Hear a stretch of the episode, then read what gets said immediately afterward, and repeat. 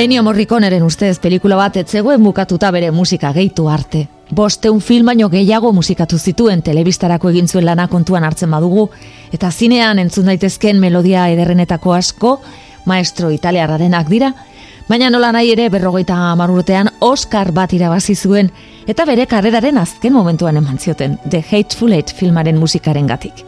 Etzen isiltzen, eta bere iritziz bi urtez behin eman behar zioten Oscarra. Mila bederatzireun da irurogeita emeretzian izendatu zuten lehen aldiz.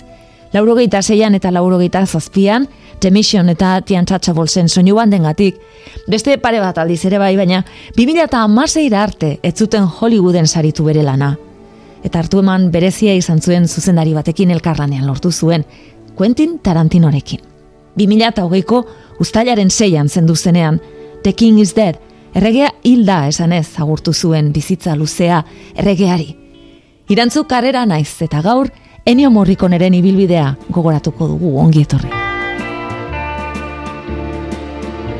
Erroman mila bederatzirun da hogeita zortzian jaioa, bere aita orkestra musikaria zen eta Ennio txikiak berehala ikasi zuen trompeta jotzen. Sei urte zituela bere lehen lana konposatu zuen eta segituan Santa Cecilia Konservatorio ospetsuan hasi zen musika ikasten.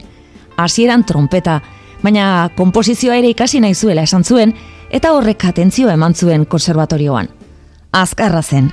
Harmonia ikasketak sei hilabetean gainditu zituen, normalean lau urte behar izaten direnean. Irratian entzuten zuenetik gehien erakartzen zionetako bat Def High Shoots operaren obertura zen, Kalmagia von Bibern kompositorearena, eta eiza giroko musikauetan oinarrituko zen, Sergio Leoneren westerretarako.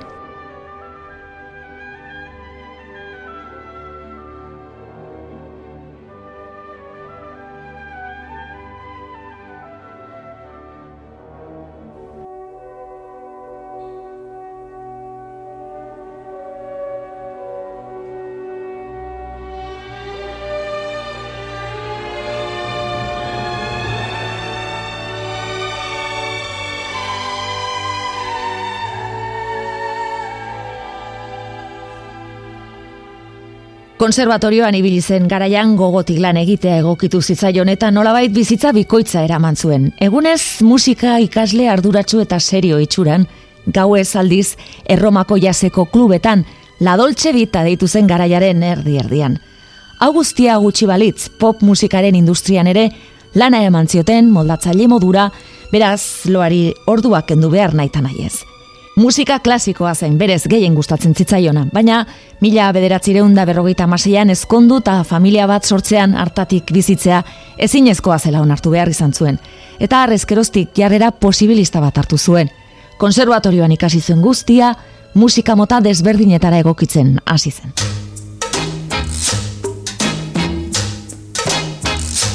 Con le pinne, fucile d'occhiali,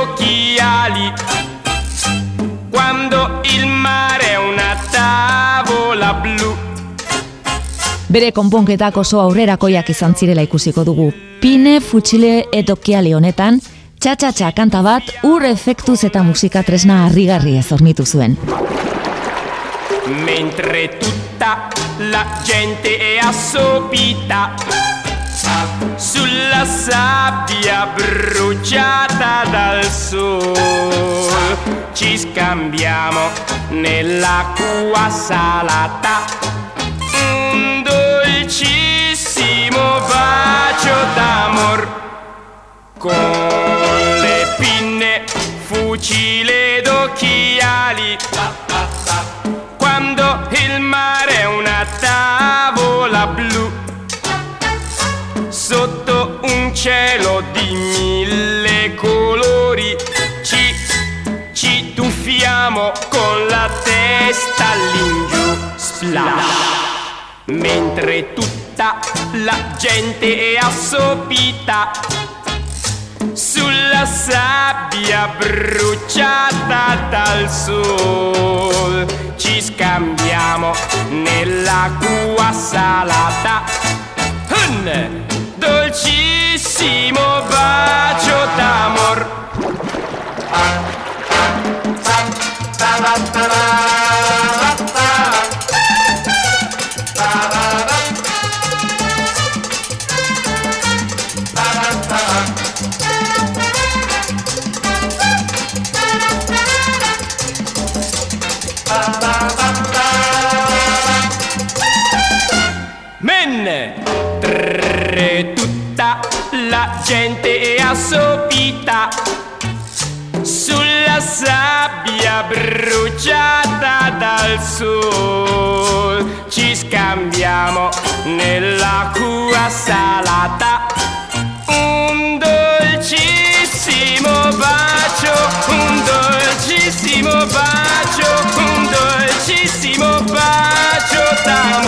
D'amor. Pinne futxile dokiali Eduardo Bianeloren nagotzean mila bederatzireun da irurogeita biko udako kanta sonatura gogoratu ondoren garai bereko beste hit bat zapore dizale entzungo dugu Ennio Morriconeren moldatzaile lana azpimarratzeko. Urrengo urtean Gino Paolik markak hautsi zituen guztiok ezagutzen dugun kanta ezagun honekin. sapore di sale, sapore di mare, che hai sulla pelle, hai sulle labbra, quando esci dall'acqua e ti vieni a sdraiare vicino a me, vicino a me, sapore di sale sapore di mare, un gusto un po' amaro di cose perdute, cose lasciate lontano da noi, dove il mondo è diverso, diverso da qui, il tempo è dei giorni che passano pigri e lasciano in bocca il gusto del sale. Ti butti nell'acqua lasci a guardarti e rimango da solo nella sabbia e nel sole. Poi torni vicino e ti lasci cadere così nella sabbia e nelle mie braccia e mentre ti bacio sapore di sale sapore di mare sapore di te Musika herrikoian sustraitutako doinuak musika klasikorik abangoardistanarekin kombinatuz, Morricone oso kompositore ausarta eta aurrerakoia izan zen hasieratik. Beti soinu tresna eta gurutzak eta berriak probatzeko prest. Industriak eskatzen zituen melodia itxaskorrak, baino guztiz begibistakoak izan gabe. Beti ere zeraren batekin. Eta oreka perfektua lortu zuen, minaren ze telefonando ospetsuarekin esaterako.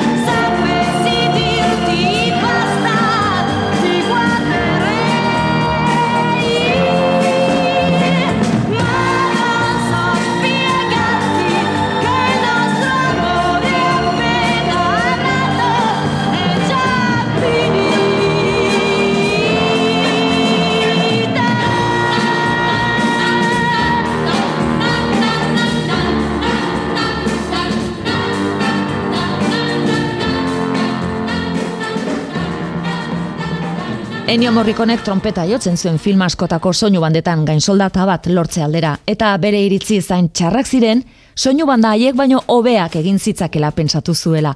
Eta hala mila bederatzireun dairurogeita batean, Rai, Italiako telebista publikoko estudioetan trompetista lanetan ari zela, Luciano Salche zuzendariak il fascista izeneko filmarentzat musika eskatu zion. Horrela zen hogeita mair urterekin, morrikoneren kompositorei bilbide harrigarria.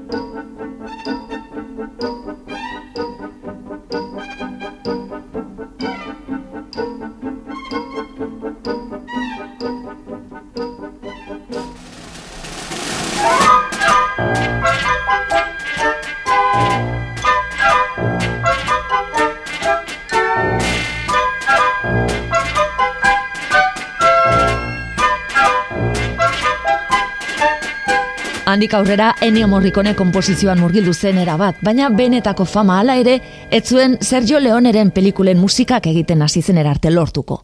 Mila bederatzireun deruro gehieta lauan, produktoreak ala eskatu ziolako, Sergio Leone Morriconeren gana joan zen. Berez, emozio handirik gabe, bere musika ez baitzitzaion interesatzen. Baina haurtzaroko lagunak zirenez, biak gela berean ibilitakoak, kompositorearen etxean azaldu zen. Morrikonek bere azken lanak erakutsi zizkion. Hoien artean, Peter Tavis izeneko kantari amerikar batentzat egindako moldaketa bat. Eta emozionatuta orduan bai, Sergio Leone hori da behar dudana esanez altxa omentzen aulkitik, moldaketa hori nahi zuela esanez, hortik aterako zen, por un puñado de dólares filmaren musika.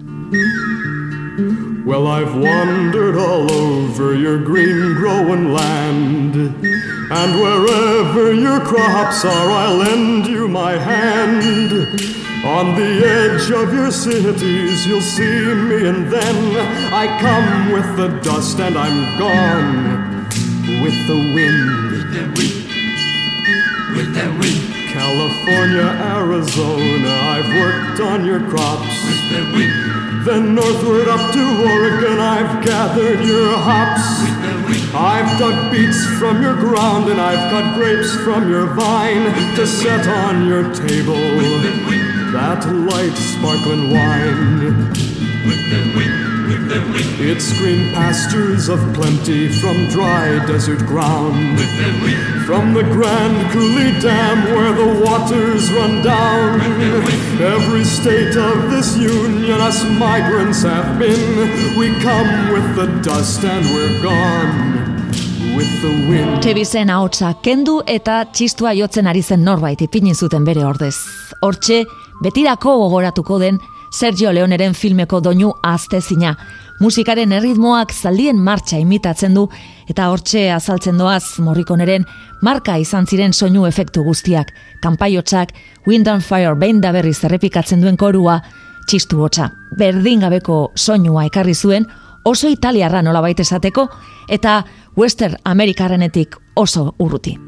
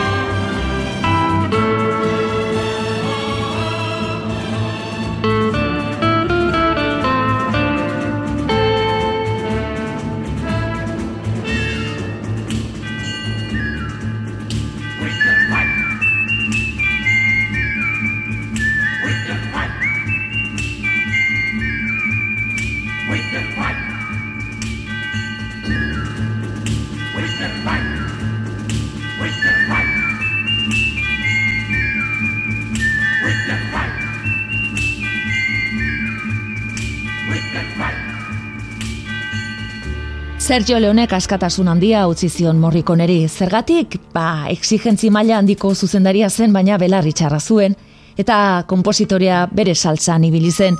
Efektuak sartu handa hemen harmonika zela, danborotxak, txirulak, edota baita konzierto de aranjuez mitikoa oroitarazi nahi zuten pastitxeak.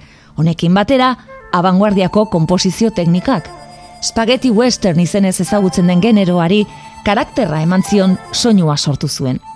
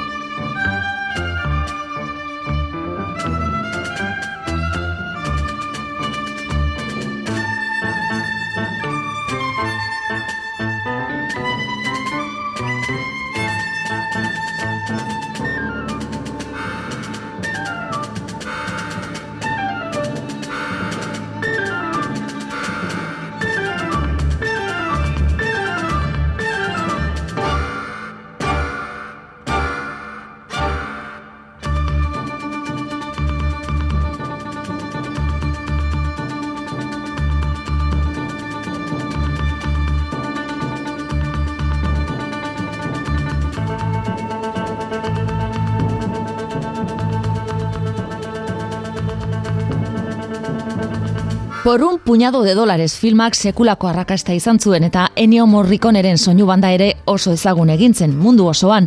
Morriconek edo txistuaren gizonak horrela ezagutzen baitzuten lan eskaintza ugari izan zituen. Paradoxikoki egila berarentzat film baterako konposatu zuen musikarik txarrena zen hau eta argi geratzen da Sergio Leone eta biek kontatzen zuten urrengo anekdota honetan. Pelikula estrenatu eta urtebetera kirinalen elkartu omen ziren por un puñado de dólares berriz ikusteko, eta parrez bukatu zuten nonbait pelikula bera batetik eta musika ere hain zatarrak zirelako. Baina jakina denez, azkar elkartu ziren proiektu berri baterako. La muerte tenía un precio.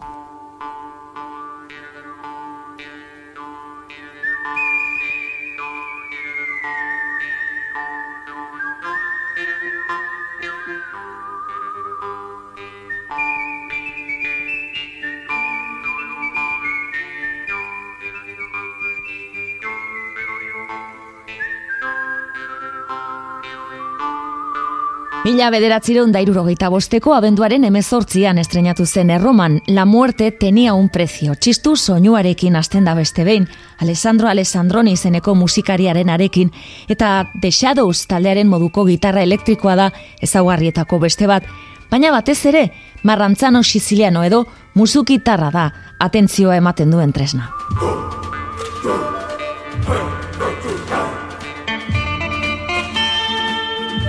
Wait. go.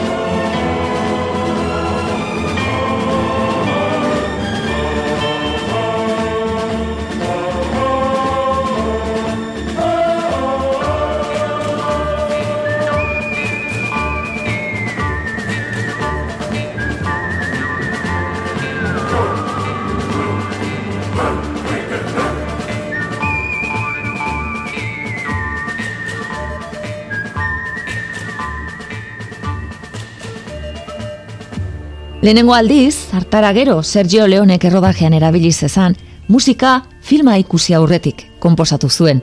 Morrikoneren musikak paper narratibo eta simbolikoa izango du, eta estenako soluzeak ziren. Morrikone berak esan da, horregatik ziren filmaiek hain geldoak.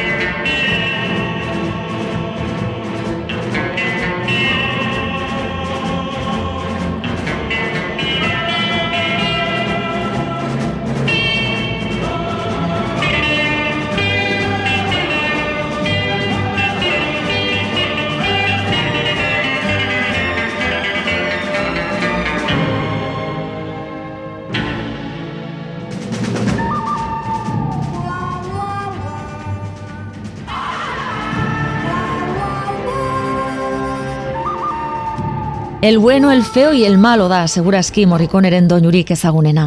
Okarina erabiltzen du lehen aldiz, txistua, trompeta, gitarra elektrikoa eta hots taldeak aztu gabe. Eta honekin, Leone eta Morrikonek dolarren trilogia delakoa bukatutzat eman zuten.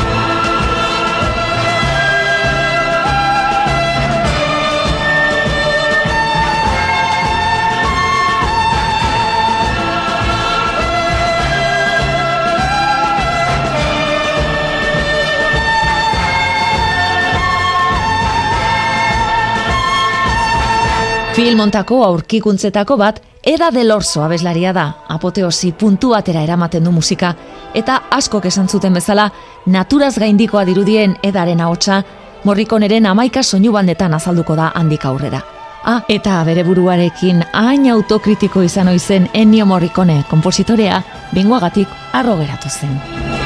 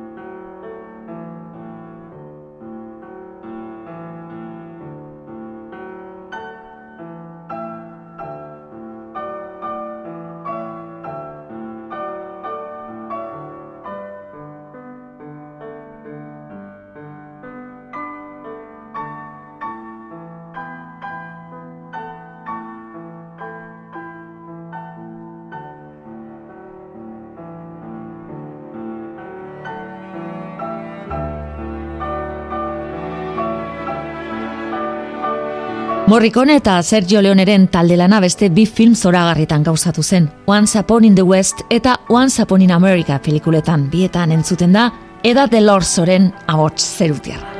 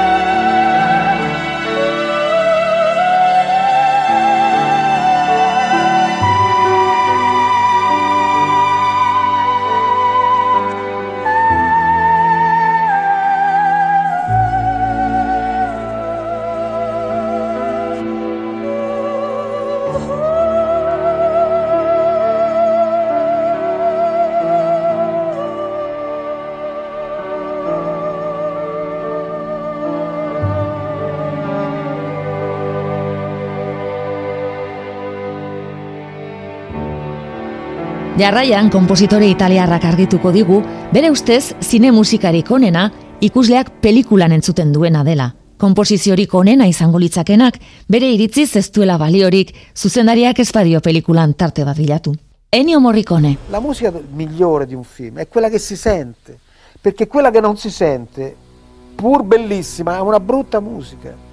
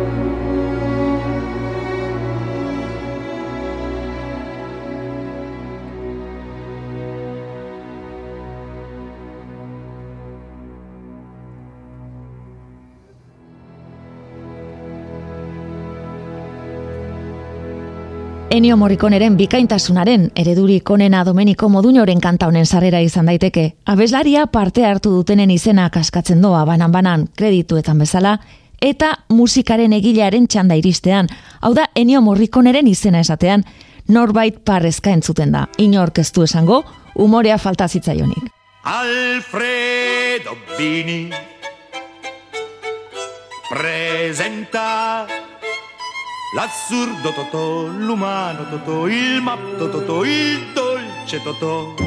Nella storia uccellacci ed uccellini, raccontata da Pierpaolo Pasolini, con l'innocente, col furbetto, Davoli Ninetto trovati per le strade del mondo tutti gli altri attori, da Femi, Venuzia, Vittorio, Vittori. nel triste giro tondo, nel lieto giro tondo, Luigi Scaccianoci architetto. Danilo Donati acconciò. Baragli montò e rimontò. Ennio Morricone musicò.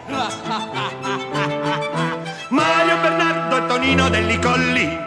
Fotografo Fernando Franchi.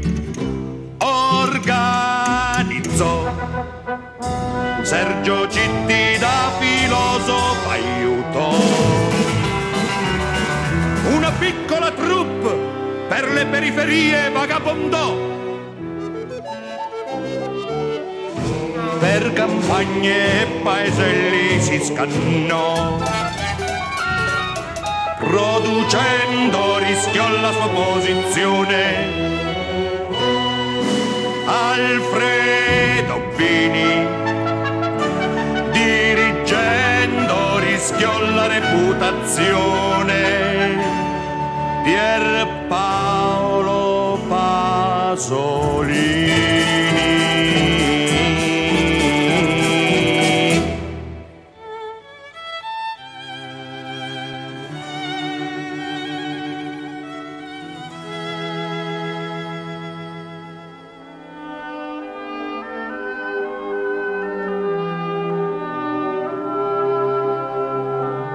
Irurogeiko hamarkadan zehar Italiako eunka filmetan parte hartu zuen morrikonek eta Sergio Leone naiz Pasolinirekin kolaboratu ondoren berezia izan zen beretzat Bernardo Bertoluccirekin lan egitea. Mila bederatzireun da irurogeita amaseian Parmako zuzendariaren lanik borobilenean hain zuzen, Novecento. Bernardo Bertolucci izenarentzat romantzo izeneko pieza honek Italiako herriaren epika ezin hobeto erakusten zuen, eta bere ustez Italiarren himnoa izateko merezimendu guztiak zituen.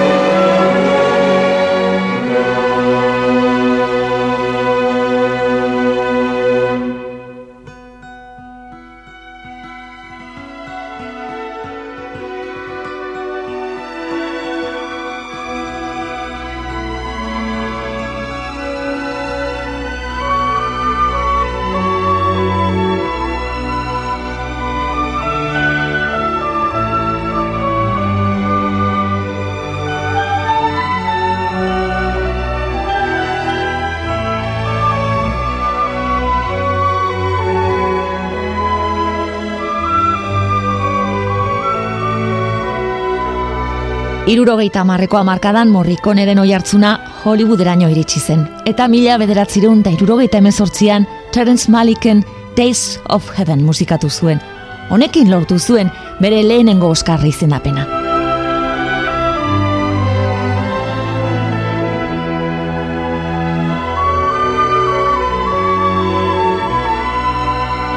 Morrikone oso berea zen nola baita esateko. Ez zuen sekula erromatik beste inora irteteko beharrik ikusi. Zenbaiteko izle saiatu ziren Hollywoodera joan zedin. Bila bat eskaini zioten, baina ez oso argi zeukan Italian bizi nahi zuela. Bestalde oso arrozegoen ingelesa jakin gabe, bere lanarekin arazorik gabe jarraitu ahal izan zuela. Goizeko lauter dietan jekitzen zen, bere egunerokoa musika eta paseo luzeak ziren, eta oso gutxitan bidaiatzen zuen.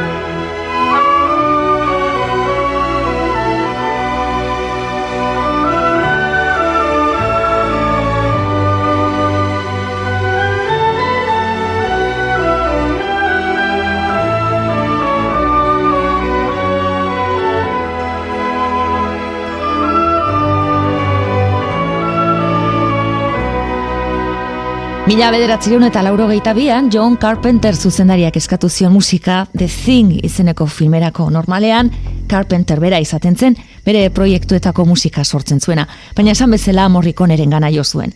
Erroman elkartu ziren hitz egiteko eta zera itortu zion, bere ezkontzarako Once Upon a Time in the Westeko musika aukeratu zuela, izugarri miresten zuela. Eta bilera honen ondoren, morrikonek bere estilo klasiko alde batera utzi eta garai berrietara egokitzea pentsatu zuen sintetizadore hautatuz.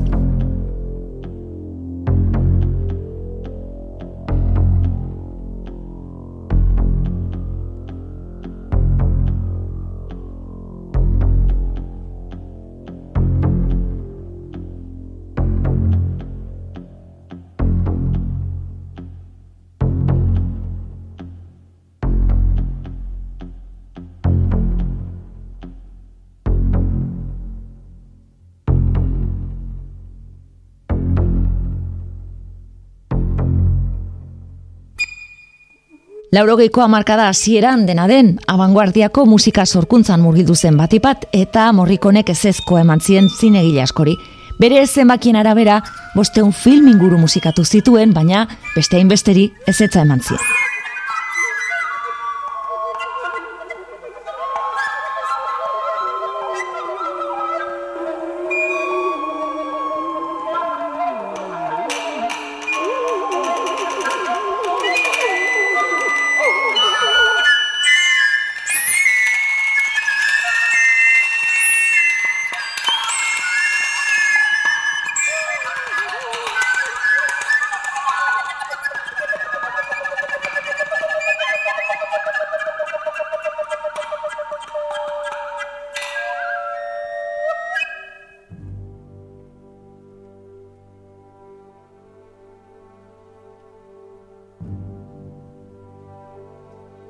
Mila bederatzireun eta laurogeita bostean The Mission pelikula ospetsuarekin atzera eta aurrera ibili zen. Fernando Gia ekoizleak musika konposatuko zuen galdetu zionean, baietz esan zuen hasieran, Londresera joan zen eta pelikula ikusi zuen soinuri gabe.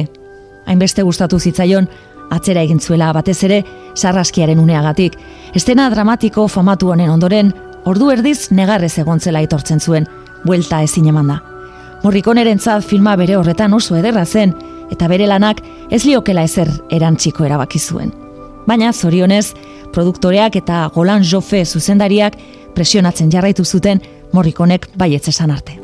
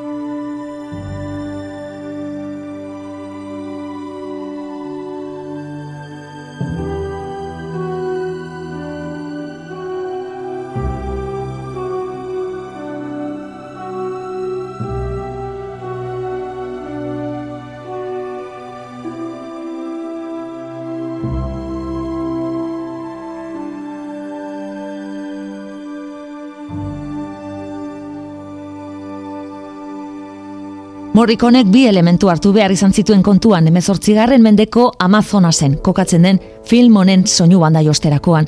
Batetik, pelikula bukatuta zegoen eta Gabriel izeneko jesuita protagonista oboea jotzen azaltzen zenez. Jeremy Irons aktorearen behatzak jarraitu behar zituen eta horren arabera sortu musikalan nagusia.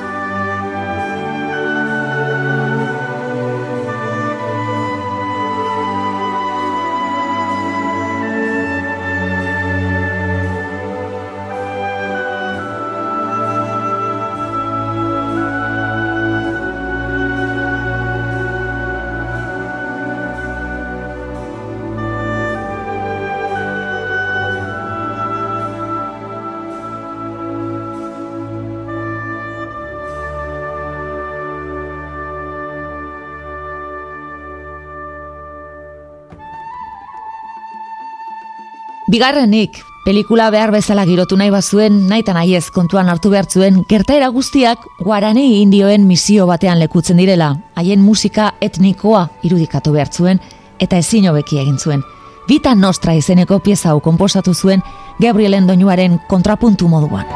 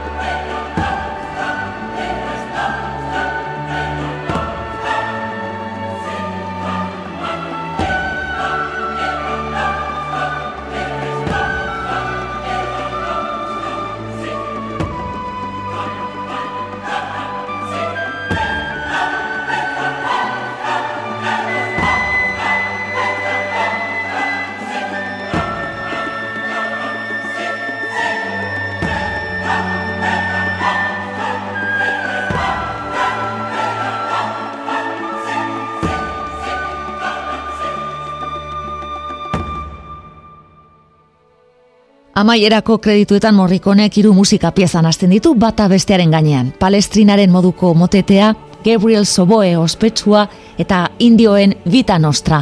Berdin gabeko klimaks bat lortuz eta kontatu den istorioari zentzu musikal osoa emanez. Pelikula ikusi ez duenak ere ezagutzen du musika, guztiok entzun dugu besterik ezpada iragarkietan. Iraultza frantsesaren berreungarren urteurren erako aukeratu zuten esaterako, edota italiako gasunak ere bai, bere espotetan, baina tristea bada ere morrikoneren frustrazio handiena izan zen, ez zuen Oskarra irabazi. Ulerte zina baietz, ba askorentzat iruzur hutsa izan zen batez ere pixuzko arrazoi batengatik, musika moldaketa bati eman zioten Oskarra, Herbie Hancokena etzen musika originala, eta morrikoneren abai.